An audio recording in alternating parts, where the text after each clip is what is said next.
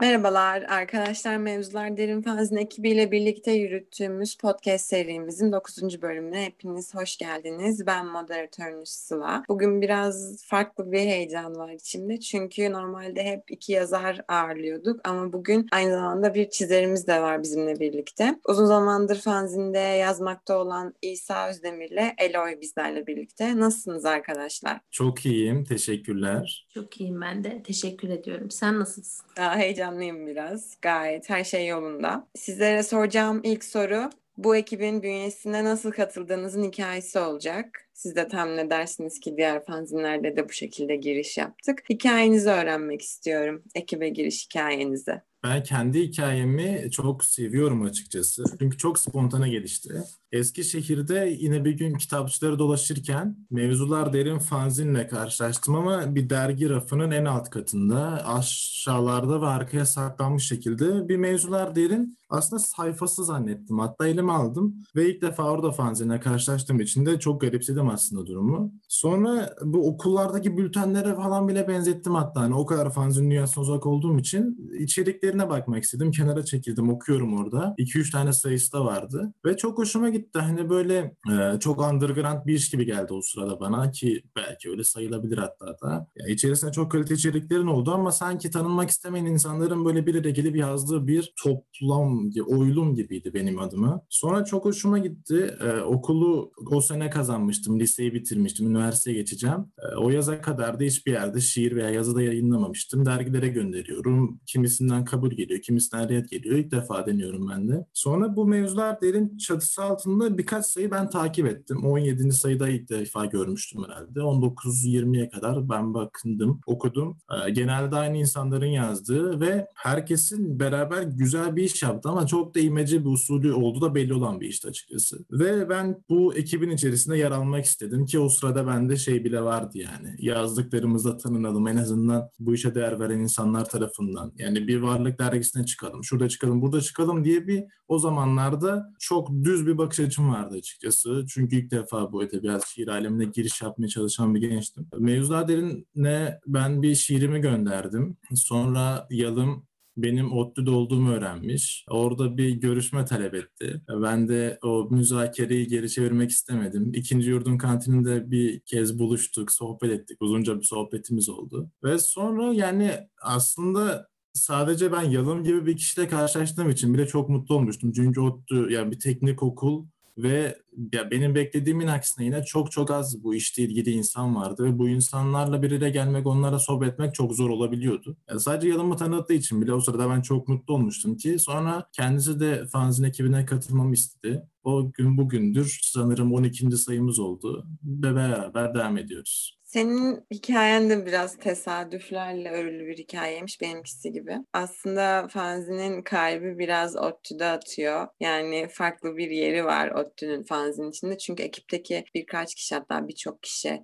ODTÜ'den. O yüzden şey benzettim aslında biraz seninle hikayelerimizi. Şimdi Eloy'unkini de çok merak ediyorum. Çünkü onun farklı bir yanı da var. O iki farklı eser türüyle fanzinde yazıyor şu an hala. Hangisiyle keşfedildiğini ben merak ediyorum. Çünkü bilmiyorum. Yani çizdiği eserlerle mi yoksa yazdığı herhangi bir şeyle mi e, ekibin dikkatini çekti? Benim anlatabileceğim fiziki bir hikayem yok. Her şey soyut bir şekilde gerçekleşti aslında. Sanal alemi çünkü çok samut göremiyorum. Şöyle ki yazıyoruz, çiziyoruz kimimiz. Kendimizi ifade etme kaygısı güden insanlarız. Bu ürettiklerimi hep kendi etrafımda bulundurduğumu fark ettim bir gün. İçinde bulunduğum dairenin dışına çok adım at e, atmalarını sağlamadığımı düşündüm. Bu düşüncenin derinine indim iyice. Sonrasında araştırmaya giriştim. Bu tür eserlerin nerelerde ne şekilde e, paylaşılabileceğine dair derin bir araştırmaya koyuldum. Sonrasında fanzin diye bir kavramın olduğunu öğrendim. İlla ki bu her yerde gördüğümüz dergilerde vesairelerde yayınlanması gerekmediğini ürettiklerimizin e, bilirinde oldum bunların. Sonrasında fanzin kavramını araştırdıktan sonra mevzular derine ulaştım. Birkaç fanzine daha rastladım ama mevzular derin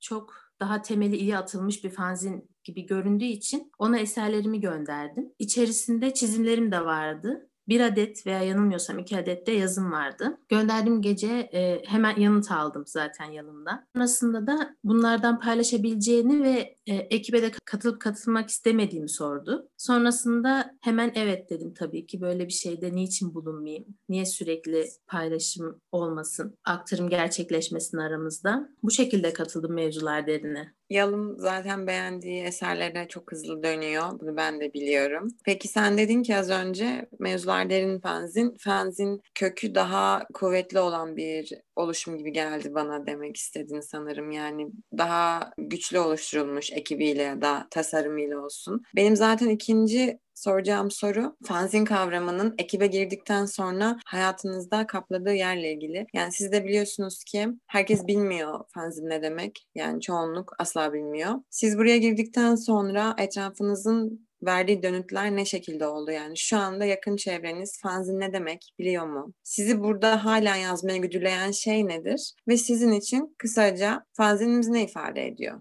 Ben bu noktada Elo'ya katılıyorum. Yani mevzular derin bana fanzin dünyasını öğretti ve çok kökleri sağlam atılmış ve Türkiye'de bu işi layıkıyla yapan bir e, oluşum olduğunu düşünüyorum. O yüzden mevzular derinle bu işi kapmış olmam beni çok mutlu ve tatmin etti.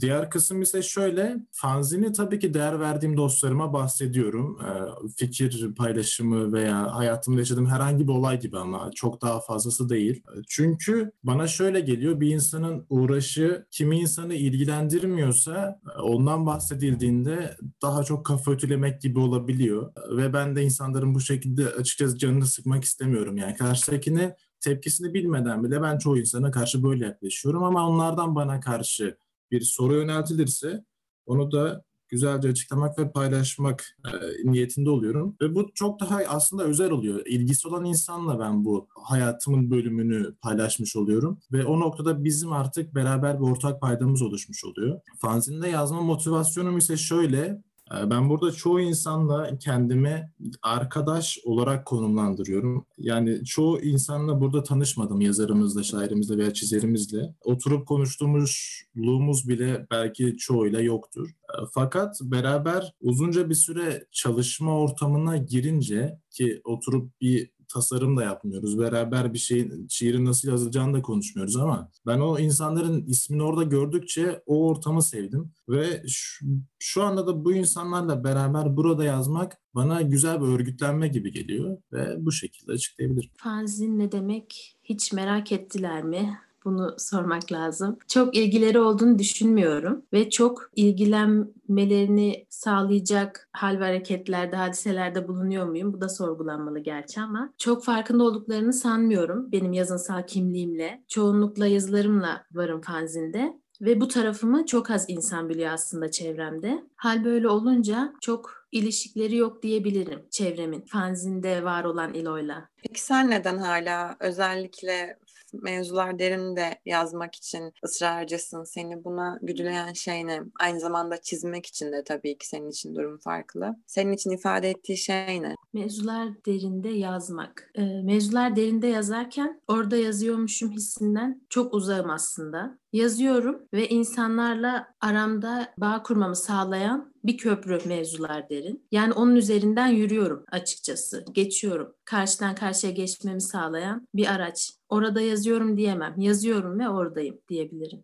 Anladım. Ben şimdi biraz daha sizlerle ilgili kişisel sorulara geçeceğim arkadaşlar. Hatta tam da Eloy bunun üstüne bir soru çıkarabileceğim bir cümle söyledi az önce. İçinde bulunduğum daire dışarı çıkmama izin vermiyor dedi. Bunu zaten çok net görebiliyorum yazdıklarını okuduğumda. Çok uzun ya da inanılmaz böyle sembolik dilde şeyler yazılmasına gerek yok bence bir kişinin iş dünyasını anlayabilmek için. Zaten yazdığın her şeyle çizdiklerin arasında bir bağ çok net gözüktüğünden dolayı bu cümleni orada da açıkçası görebiliyorum fanzindeki sayfanda yani. Bir de sana çok çok imrendiğimi söylemek istiyorum. Çünkü yazmaya başladığım yıllarda çizim yapmaya da heves etmiştim. Ama başarılı olamamıştım. Sen ikisine de sahipsin. Bu gerçekten güzel bir şans. Ben her zaman bunu daha önceki bölümlerimizde de mutlaka söylemişimdir aralarda. Edebiyatında sadece yazıyla dolu bir sayfada bile çok fazla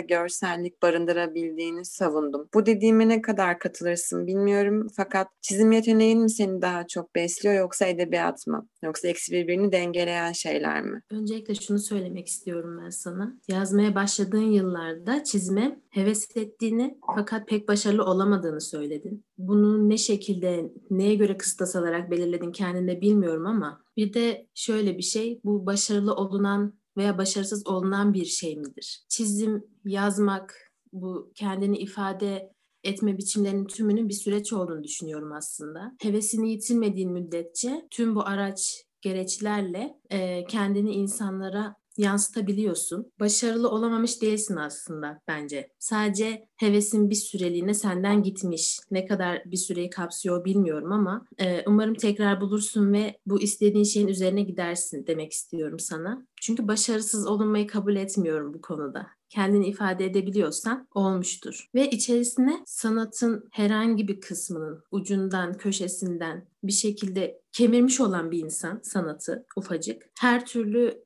aracı, her türlü nesneyi, her türlü soyut veya somut şeyi kendisine oyuncak edebiliyor. Oynamalısın yani oyuncaklarla. Uzun süre vakit geçirmelisin. Çizim yeteneğim ve edebiyat ikisinin bende nerede olduğu, beni hangisini daha çok beslediğine yönelik bir soru. Şöyle demek istiyorum. Bir oda tay- tahayyül ediyorum şu anda kafamda. Duvarlarında raflar var. Benim de veya benden uzakta eşyalar var bir takım. Raflara çizim yeteneğim dersen etraftaki eşyalara da e, edebiyat yakıştırmasını yapabilirim. İkisi birbirine ihtiyaç duyan şeyler bende. Beni besleyen şey olmak, beni besleyen şeyler değiller de birbirlerine ihtiyaç duyan şeyleri ben seyre dalan kişiyim daha çok. Birisi olmazsa diğerine ihtiyaç olmuyor. Edebiyat olmasaydı yani eşyalardan uzak kalmış olsaydı raflar bir pencere kenarında beklerlerdi sanırım. Onlar da dikilecek, onları hizalanacak olanları. Raflar olmasaydı çok dağınık olurdu edebiyatın. Etrafta saçılmış olurlardı. Asla çeki düzen verilmemiş olurdu hiçbirine. Tüm bunlarla birlikte yaşıyorum. Yani birbirlerine destek olan iki şeye seyirciyim sadece aslında. Çok fazla bölüm kaydettik bu zamana kadar. Ben de büyük bir kısmının moderatörü oldum diyebilirim ama insanlara çok soru sordum ama yani bu kadar beğendiğim bir cevap olmamıştı diyebilirim daha önceki sorularda. Herkesten özür dileyerek yani şimdiye kadar ki. Tam benim vereceğim bir cevaptı bu gerçekten. Ee, inanılmaz doğru açıkladın. Ben zaten her zaman bir şekilde bir evle ya da odayla ilişkilendirerek cevap vermeyi seviyorum edebiyatla ilgili. Bana sorulan herhangi bir soruya. Şimdi İsa'ya bir top atacağım. Sen dedin ki bir oda hayal ediyorum Eloy. Raflar çizim yeteneğim, eşyalarda edebiyat birbirini tamamlıyor. İsa'nın herhalde kafasındaki odada sadece şiir var. Çünkü onu çok uzun zamandır okuyorum. Yani neredeyse iki senedir düzenli okuyucusuyum diyebilirim. Hep şiir yayınlattın İsa sen fakat yazdıkların bir roman doluluğunda. Yani bu kadar çok şeyi bu kadar az alanda yani tek bir şiirde anlatmak zor olsa gerek diye tahmin ediyorum. Şiirlerin hepsi sanki gerçekle gerçek olmayan arasındaki bir geçirgenlikte yazılmış gibi. Hem bu kadar içi dolu yazıp hem de bu kadar metafor kullanabilmenin dayandırdığın bir ilhamın var mı? Açıkçası ben kafa karışıklığımın şiirini yazıyorum. Bu da şöyle oluyor aslında. Beynimin içini açıp çevreme beynimdekileri savuşturduğumda ortaya dökülenlerden hangisi benim veya hangisi başka bir insanın kurgusu, hangisi başka bir insanın yaşantısı, hayatıma dokunan kimlerin aslında teması bunu bilemiyorum. O yüzden gerçek mi, gerçek değil mi, kurgu mu bu konuda e, emin değilim. Ama şöyle benim adıma şiir e, düzenimi bozuyor. Çünkü düzen bozuyor, düzen yıkıyor. E, bu da benim hayatımda da aynı şekilde tezahür ediyor. Şu aralar şiirden kaçıyorsam da aslında düzenimi bozduğundan dolayıdır. Bunu da şu şekilde açıklayabilirim. Düzen hayatımızdaki gündelik işlerimiz veya okuldaki öğrencilik hayatımız, kariyerimizle alakalı yaptığımız işler ve şiir bambaşka bir yerde benim adıma. Ben şiirimi yazarken bir kaçışa girmek durumunda kalıyorum. Tünel kazmak için e, ekipmana ihtiyacım oluyor. Bir yaşanmışlığa ihtiyacım oluyor ki yanıma insanları çağırabileyim. Onlarla beraber bir iş yapalım ve zamana da ihtiyacım oluyor. O yüzden benim için aslında bayağı bir sancılı dönem bir şey üretmek, özellikle şiir üretmek. E, ve o ürettiğim kısmın da kur kurgu mu gerçek mi hangisi hangisinin içerisinde ben de emin olamıyorum. Ama ve dönüp baktığımda şunu görüyorum ben de bir konuyu deşmek olarak denilemez ama sanki kafamda ya keşke daha öncesinden işte 3-4 sene önceki şu kavgada şu lafı söylemiş olsaydım dürtüsü gibi ya keşke şu da söylenebilir miydi diye aynı olayları aynı meseleleri tekrar tekrar ele alıp anlattığımı hissediyorum. Belki e, o roman tematik boyuttaysa bahsettiğim bu şekilde olabilir. Aynı konuları farklı açılardan ele almayı sevebiliyorum. Benim aslında sana bir sonraki soracağım soruda tam olarak şununla ilgiliydi. Sen onun da cevabını verdin. Her şiirinde belirli bir karakteri mi kullanıyorsun yoksa hiç tanımadığın bir insanın kafasının içinde dolaşırmış gibi yazdığın oldu mu diyecektim. Anlıyorum ki olmuş verdiğin cevaptan hareketle. Bir de şey sormak istiyorum şimdi. Şiir düzenimi bozuyor çünkü şiir zaten kendisi bir düzensizlik dedin az önce. Peki senin düzenli olarak yani bu bana ilham veriyor. Bunu bu kişiye okumak ya da atıyorum burada burada oturmak, burada yazı yazmak ya da elimde yazmak ya da dijitalde yazmak bana ilham veriyor dediğin böyle küçük e, ilham düzeni demek istiyorum. Var mı yoksa tamamen şiirin doğasına asla aykırılık yapmadan sen de hep bir düzensizlik içinde mi yazıyorsun? Yani ilhamın ne zaman nereden geleceği asla belli olmuyor mu? Yani aslında şöyle yaşantım da dediğim gibi aslında iki, iki yaşantı kurgulayabiliriz benim hayatım için. Şiir boyutu ve diğer aslında normal gündelik yaşantım. Bu ikisi arasındaki dengede şiirin yeri yok. Özellikle normal yaşantımda şiirin asla yeri yok. Çünkü dahil olamıyor. Çünkü çok düzen içerisinde bir yaşam. Normal hayatımda çok düzenli bir insanım. Ee, şiiri de aynı şekilde bu hayatımda yaş- e, yaşıyorsam ve yazmaya çalışıyorsam oturup böyle kağıt kalemle eski usullerle yazmaya da çünkü belki daha güzel karşıladığım için bünyem. O şekilde oturup işte şu saatte şu şiir yazacağım demiştim bile olabiliyor. Hatta böyle olayı matematiksel kur- kurguya döküp şu dizeyi şurada kullanacağım. Ee, burada şöyle bir e, etkileyici bir şey yazabilir miyiz falan diye. Ve sonrasında o yazdıklarıma dönüp baktığımda çok da aslında e, şairane bulmuyorum. Çünkü dediğim gibi bana buranın şiiri gibi geliyor. Ben burayla ilgilenmiyorum yani şiir yazıyorsam. Ama spontane gelişen ve oturup bir telefon not defterine otobüs durağında otobüsünü beklerken yazdığın şiir her zaman benim için çok daha güzel olabiliyor. Çünkü kafam neredeyse şiirimin yanındaysa şiirimi daha da besliyor diye düşünmekteyim. Ee, anladım. Güzel cevaptı. Aslında şunu da demek istiyorum. Ben birçok şiirini okudum senin severek ve için, içlerinde bana en çok etkileyici gelen dizen deneme şiirindeki o ilk dize yani sessizliği çoğaltan içten yanmalı sus payı. Niye bilmiyorum belki de yanılıyorum ama bu dizenin kendi içinde başka bir hikayesi varmış gibi geliyor bana. Çok fazla okudum. Her seferinde aynı his bana geçirdi bu dize. Genel olarak istersen şiirle ilgili cevap verebilirsin ya da eğer ben haklıysam yani bu dizenin kendi başına özel bir hikayesi varsa onu öğrenmek istiyorum. Yani tabii aslında haklı olabilirsin. Çünkü küçük detayların ya da olayların veya bir yaşanmışlığın şiirini yazma hoşuma gidiyor. O da aynı şekilde karşılık bulmuştu bende. Yani aslında kabaca baktığımızda iki insanın arasındaki iletişimsizliği şiir yoluyla anlatabilmek istedim. Fakat yine az önce bahsettiğim gibi şiir düzeni bozar. Aslında bana şu şekilde geliyor. Mesela bir isyan başlatılır e, ve bu isyanın da bir sözcüsü olur. Genelde bütün bir kabahat o sözcüye yıkılır. E, onun öncüleri onun kadar çile çekmezler ve aynı şekilde ilkokulda bile e, öğrenciler teneffüste top oynamışlardır ve 15-20 dakika geç kalmışlardır. Sınıfa girerler ve aslında o top oynama fikri çıkan insan e, öğretmenden azar yemez ve öğretmene durumu açıklayan çocuğun üzerine gidilir. Bana da şu şekilde geliyor işte bir durumu açıklamak, anlatıcılığını yapmak o düzenin yıkılmasını senin üzerine doğru e, yönlendiriyor. Senin üzerine yıkılıyor her şey. Bu da aynı şekilde gerçekleşmişti. Yani bu iletişimsizlik ama iletişimsizliği anlatmaya çalışmak ve bu iki insanın arasındaki iletişimi sağlayabilmek için çabada bulunmak e, ve onun sonucunda sadece enkaz altında kalan bir ruh belki. Zaten e, hiçbir yazıyla, edebiyatla uğraşan insanın isyanla pasif de olsa bir ilişkisi olmayacağını düşünmüyorum. En azından kendi içindeki durumla bir isyanı olur eğer çok toplumsal meselelere kulak asmak istemiyorsa. Eloy'un ne düşündüğünü merak ediyorum bu konuda. Çünkü bence o biraz kendi iş dünyasıyla bir isyan alıp verememe içerisinde yazarken ya da çizerken. Belki de yanılıyorum bilemiyorum. Kendisine sormak istiyorum. Doğru söylüyorsun Sıla. Yazdığım veya çizdiğim her şey dış dünyamın ruhumdan süzülmesiyle içime giren şeylerden oluşuyor. Hepsi bunlardan meydana geliyor. İçimde alıp veremediğim bir şey var veya içimde alıp veremediğim bir şeyler var. Ya kendisiyle ya da kapsadıklarıyla ilgili ve genelde bunlar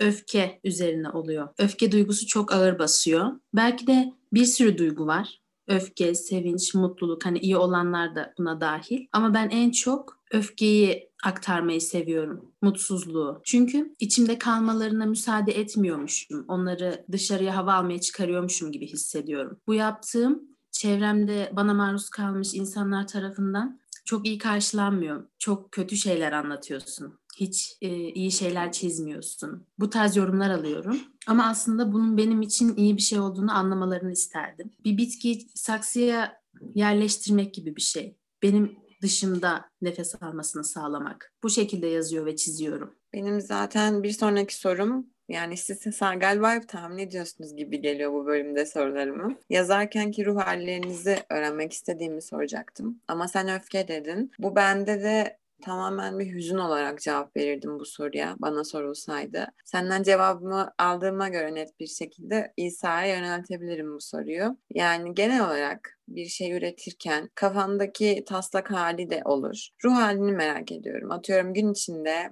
dışarıdayken arkadaşlarınlayken aklına güzel bir başlık geldi ya da çok güzel bir dize geldi ya da birini gördün çok etkilendin. Ona dair bir şey yazmak istiyorsun akşam eve gittiğinde. Ruh halin ne olurdu genel olarak? Yani tabii ki çok mutlu bir şekilde yazardım gibi bir şey beklemiyorum kimseden ama ne olurdu kısaca öğrenmek istiyorum. Şiir bence izole bir olay. İnsanın kendi kendisini kapatıp hatta böyle kafasını kendi içine falan sokarak yazdığı baya baya bence kendi içine doğru döndüğünde gözleri o zaman yazabiliyor. Ama normal yaşantımızda da çok sosyal ortamlarda insanların arasındayız falan. O yüzden çıkartıp tabii not defteri bir telefon yazamıyorum yani. İzole ortamlar arıyorum. Bunun da en güzel aslında karşılığı belki gece yatmadan önce olabiliyor.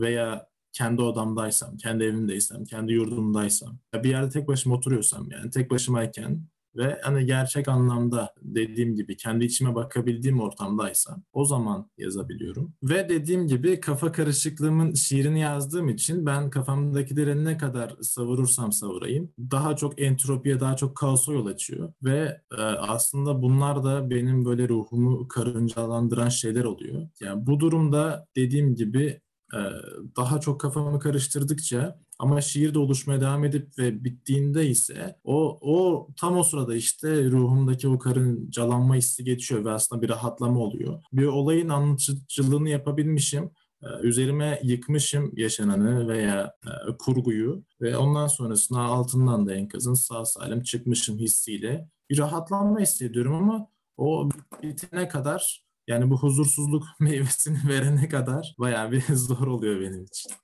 İsa peki kimleri okuyorsun diye sormak istiyorum daha çok. Yani yerli edebiyattan mı daha çok insanı takip ediyorsun, yazarı takip ediyorsun yoksa yabancı mı? Yani daha çok şiir mi okursun yoksa roman mı? Onu da sorayım araya sıkıştırayım. Çünkü birçok arkadaşım var. E, şiir yazmasına rağmen genelde okuduğu tür ya roman ya da öykü oluyor. Onların ona daha zengin bir e, dünya sunduklarını iddia ediyorlar ama senin cevabını merak ettim. Aslında beslenme olarak bakarsak bence çıkmak insanı çok fazla beslemez. Ama ben bu işe komple bir uğraş olarak bakıyorum. Yani o Michelangelo'nun kilisenin bir duvarına çizdiği şiir e, görseli gibi benim hayatımın bir kısmı komple bir şiir duvarı belki de. Ve ben de oraya yatırım yapmak istiyorum. Ee, ve Türk şiirini de yazdığım için bunu bilmek, ta geçmişinden günümüze kadar gelmek, günümüzü de özümsemek ve bilebilmek, yani hiç olmadı takip edebilmek çok ne bence ve bir insanın da yapması gereken bir şey. Eğer ki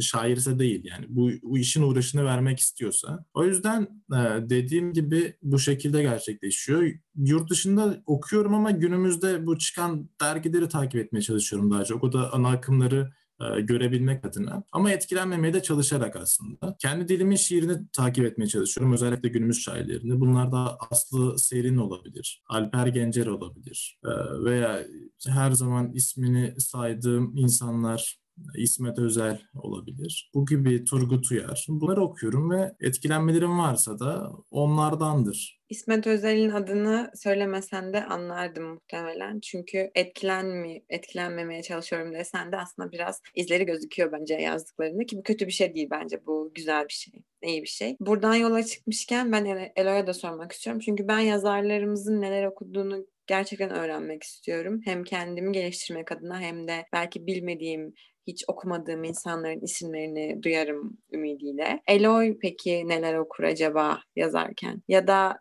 ya da şöyle de sorayım ekleyeyim. Çizdiklerinde de ilham aldığı insanlar var mı? Öyle çok ünlü ressamlar olmasına gerek yok ama atıyorum bu kişiye bakınca bir portre bile olabilir. Hani ben de öyle bir şey çizmek istiyorum. Kalemim ona göre hareket ediyor dediği kişiler var mı? Okuduğum insanlara gelecek olursak üç isim sayabilirim. Kemikleşmiş olduğuna inanıyorum ben de bunların. Onların dışına yine çıkamıyorum. Bende şöyle bir şey var. Bir şeye girdiğim zaman ondan zor çıkıyorum. Bu sayacağım isimleri okuduktan sonra uzun bir süre kitap okuyamıyorum hani onların yazdıkları dışında saplanıyorum yani ve o patinaj çekme durumunu bilinçli olarak yapıyorum saplandığım çamura. Balzac okumayı çok seviyorum. Necip Fazıl Kısakürek eserlerini doyamıyorum ve Nazan Bekiroğlu. Bu üç ismi sayabilirim. Çizim konusunda bir belirli bir isim sayamam. Hani söyleyemem. Yalnızca kendi yolunu bulmuş bir insan gibi hissediyorum kendimi. Ama elbette etrafta maruz kalarak e, çizgilerimi işlemiş bazı görüntüler vardır. Ama hani o görüntüler kimlere aittir merak etmiş miyimdir? O kadar irdelememişimdir yani. Benim ilk okuduğum tiyatro Necip Fazıl'ın Bir Adam Yaratmaktı. İlk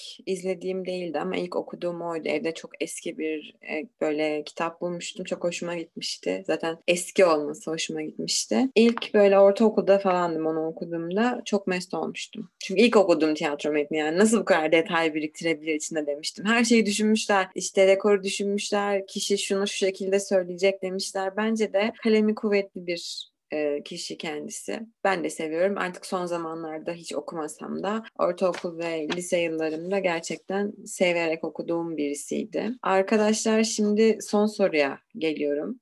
Yani bunu tabii ki tahmin ediyorsunuzdur son soruyu. Fanzinimizi elinize aldığınız zaman ilk açtığınız kişi kim? Yani bu kişiyi hep okurum, asla kaçırmam, düzenli takip ederim, hiçbir yazdığını ıskalamam dediğiniz kişi ya da kişiler kimlerdir? Öğrenebilir miyim? Tabii ki. Ee, benim kendi adıma ilk açtığımda merak ettiğim birkaç unsur var. İlk önce e, ya aramızda diye demiyorum. Sıla'nın sayfasına bakarım. Çünkü bir sayıda beni çok etkilemişti. Suhan'la birlikte yan yana çıkmışlardı. 22. sayı sanırım. Baldan Karanlık'tı yazdığın şiirin adı. Böyle hatırlıyorum. Umarım da yanlış hatırlamıyorumdur. Ve o sayfa çok güzeldi. Ve sen bir ara bu işe gerçekten güzel bir şekilde ayak uydurmuştun. Böyle kolajlı veya fotoğraflı güzel işler yapıyordun. Öyle işleri beklediğim insanlardan sayfalarına bakıyorum. Onun haricinde Suhan'ın çizgilerle beslediği o sayfasına bir göz atarım illaki. Ve dediğim gibi şiir önemsediğim için de Buğra Öztürk'ü okurum. Enes Kurnaz'a bakarım. Sahabiye yani kafasını anlamaya çalışırım. Ona bakarım. O şekilde. Ben de iki isim söylemek istiyorum. Ee, Yağmur Deniz Aydın ve Şevval Şirin. Bu ikisinin eserlerine doğrudan koşuyorum. Onları okuduğumda onlara yanıt vermek istiyorum. İçimde öyle bir his, his uyandırdıkları için ilk göz gezdirdiğim, hani ruhumu dolaştırdığım metinler onlara ait oluyor genelde. Eloy'un e, söylediği isimleri ben de severek okuyorum ama şunu söylemek istiyorum e, samimiyetle. Yani burada gerçekten çok samimi bir moderatör olduğumu düşünüyorum podcast serisinde. Ben gerçekten kendi adımı duyacağımı hiç düşünmedim. Yani hiç beklemezken. Çok sevindim insanın cevabına. Çünkü benim için çok çok özel bir şiirim o. Çok şiir yazmıyorum ama yazdığım zaman da içime siniyor. Çok teşekkür ederim gerçekten güzel sözlerin için. Bu soruyla da e, sohbetimizin sonuna geldik arkadaşlar. Ben çok keyif aldım. Çünkü bu bölüm biraz daha farklıydı. Çizimden de konuştuk. edebiyattan konuştuğumuz kadarıyla. Umarım siz de benim kadar keyif almışsınızdır. Önce dinleyenlerimize sonra da sizlere görüşmek üzere diyorum. Kendinize çok iyi bakın. Ben de çok keyif aldım. Teşekkür ederim. Ben de çok keyif aldım. Çok heyecanlıydım. Söylediğim birçok şeyi anlamamış olmaktan ve yanlış cevaplar vermiş olmaktan korkuyorum. Umarım iyi olmuştur. Çok teşekkürler. Hoşçakalın. Bence gayet iyiydi hepsi.